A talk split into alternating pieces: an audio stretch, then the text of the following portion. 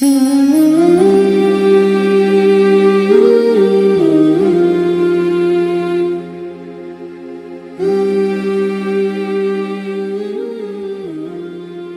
sebuah kisah yang disampaikan oleh penulis buku. Penulis buku itu mengatakan sesungguhnya ketika Hafsah binti Umar menjanda, eh, namanya cerai itu cerai itu kadang-kadang solusi dari akhir permasalahan Pak. Akhir dari solusi. Akhir dari permasalahan itu solusinya adalah bercerai. Ada sebagian sahabat tuh yang bercerai. Tentunya itu bukan pilihan yang terbaik tetapi cerai itu kadang-kadang bisa menjadi sunnah bisa menjadi wajib. Tergantung kondisinya. Hafsah bercerai menjanda. Lalu kemudian Umar menawarkan kepada Abu Bakar. Lalu Abu Bakar menolaknya. Ditawarkan lagi kemudian kepada Osman Kemudian Osman pun menyampaikan bahwasanya dia tidak ingin untuk menikah saat itu. Lalu Umar itu ngeluh kepada Rasulullah SAW dan ketika mengeluh kepada Rasulullah maka Rasulullah bersabda Hafsah akan dinikahi dengan laki-laki yang lebih baik daripada Umar dengan Osman. Dan siapa laki-laki itu? Laki-laki itu adalah Rasulullah Wasallam. Dan saat itu ternyata Abu Bakar baru cerita sama Umar Kenapa aku tidak menerima putrimu? Karena sesungguhnya aku pernah mendengar Rasulullah menyebutkan keinginannya untuk menikahi putrinya Umar. Ya, dan aku ketika mendatangi Osman, Osman pun cerita sesungguhnya aku mendapati Rasulullah ingin menikahi putrimu. Dan di situlah prasangka baik itu menjadi terwujud. Akhirnya Hafsah mendapatkan orang yang paling baik di atas muka bumi, yaitu adalah Rasulullah Shallallahu Alaihi Wasallam. Makanya kalau boleh saya keluar dari materi sedikit Pak. Maka di sini kita dapatkan kewajiban mencarikan jodoh itu kewajiban orang tua. Bukan kewajiban anak. Makanya Umar yang mencarikan jodoh untuk Hafsah. Kita kan hari ini sudah di framing Pak. Kalau ada orang tua mencarikan jodoh untuk anaknya berarti zaman Siti Nurbaya Memang zaman Siti Nurbaya mah kamu nyari-nyariin saya kan gitu. Akhirnya kita, ya juga. Ini dampak dari sinetron Siti Nurbaya ketika waktu SD. Ya, akhirnya melekat ke pikiran kita. Padahal kewajiban orang tua itu mencarikan jodoh. Tapi ketika mencarikan jodoh tidak boleh memaksa. Bapak tawarin nih punya anak perempuan sudah siap untuk nikah. Ini nikah sama ini nih. Enggak pak. Sudah pak jangan dipaksa carikan lagi, carikan lagi, carikan lagi, carikan lagi. Itu kewajiban orang tua. Kalau dia ternyata kenapa kamu tidak suka kurang solih, solih sih, tapi yang good looking dikit lah pak, gitu. carikanlah. Dan tidak boleh diomongin, oh yang penting itu solih, tidak gitu juga good looking juga kemudian boleh menjadi kriteria. Makanya Rasulullah mengatakan kepada orang yang mau nikah itu apa? Ungdur fa innahu ayyudama bainakum. Lihatlah jodohmu sebelum kamu nikahi. Karena melihat wajahnya itu bisa melanggengkan pernikahan kalian nanti. Makanya jangan kemudian mentang-mentang lagi ngaji.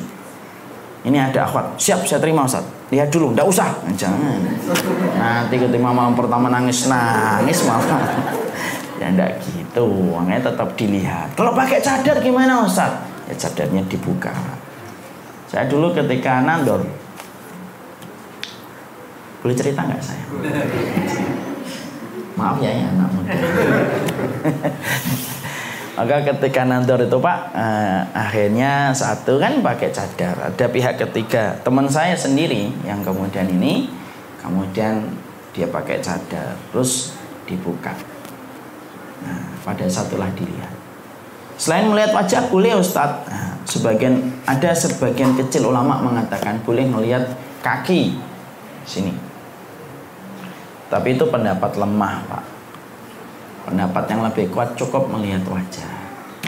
Kalau ada rasa-rasa bagaimana wajah itu meneduhkan untuk dia, silahkan nikah. Dan wajah yang meneduhkan kan setiap orang dibuat oleh Allah kriterianya itu relatif. Jadi Allah itu kalau menetapkan wajah yang menyenangkan itu relatif supaya kita tidak perlu rebutan, Pak. Coba kalau wajah yang meneduhkan itu mutlak dan tidak relatif, Pak. Oh, pertumpahan darah. Makanya dibuat kecantikan itu relatif. Nah, ketika dibuka, dilihat cocok istikharah menikah. Makanya kita yang mencarikan jodohnya. Tidak cocok carikan lagi, tidak cocok carikan lagi. Dan salah satunya Pak, ini yang kita dapatkan dalam sunnah yang hari ini tidak banyak dikerjakan oleh masyarakat perkotaan. Masyarakat perkotaan itu jarang sekali menikahkan putra putri mereka dengan sahabat-sahabat mereka di dalam keimanan. Padahal yang baiknya kayak Rasulullah. Rasulullah nikahi putrinya Abu Bakar. Osman menikahi putrinya Rasulullah, Ali menikahi putrinya Rasulullah. Itu ya di situ itu untuk apa? Menjaga kualitas kebaikan. Karena dinikahkan dengan orang yang mereka kenal bagaimana kekuatan iman dan ketakwaannya. Jadi kalau misalkan nanti di sini nih di musola ini sudah terjadi komunikasi yang baik, kita melihat anakmu jodoh ya sama anak saya. Itu yang dilakukan Rasul. Dan jangan menyerahkan jodoh kepada anak. Anak boleh memberikan kriteria nama. Namanya ini ini ini ini, ini bi. Oke, kita lihat dulu. Cocok nggak? Ketemu satu persatu, Pak. Tapi jangan dia yang memilih sendirian. Kalau memilih sendirian, pasti kriterianya bukan kriteria yang sifatnya kebaikan, tapi kriterianya masih sangat tidak jelas. Kenapa kamu nikah sama dia? Orangnya putih, nah, kan gitu. Kenapa milih dia? Enak diajak ngobrol. Disangkanya pernikahan itu pos kampling, nah, gitu. sehingga harus enak diajak ngobrol. Dan itu. Gimana jodohmu yang mana? Yang lucu, imut, putih, marmut itu. Artinya banyak orang yang kriteria pernikahannya itu tidak jelas. Kenapa anak-anak muda sekarang kriterianya gitu? Kenapa nikah sama dia? Sama-sama member game online. Nah, kayak gitu coba. Ya karena mereka tidak ngaji, Pak. Sudah tidak ngaji, Bapak serahkan tanggung jawab nyari jodoh. Coba. Yang bermasalah siapa coba sekarang? Sudah tahu nih anak kita tidak pernah ngaji. Sudah tahu anak kita itu kalau dikasih undangan kajian itu tidak pernah sama sekali ngaji. Lu giliran nyari jodoh, bapak seren ke dia. Lalu kemudian mengatakan itu kan perasaan. Lu akhirnya ya banyak perkara yang terjadi dari keburukan itu. Makanya kita harus yang mencarikan jodoh.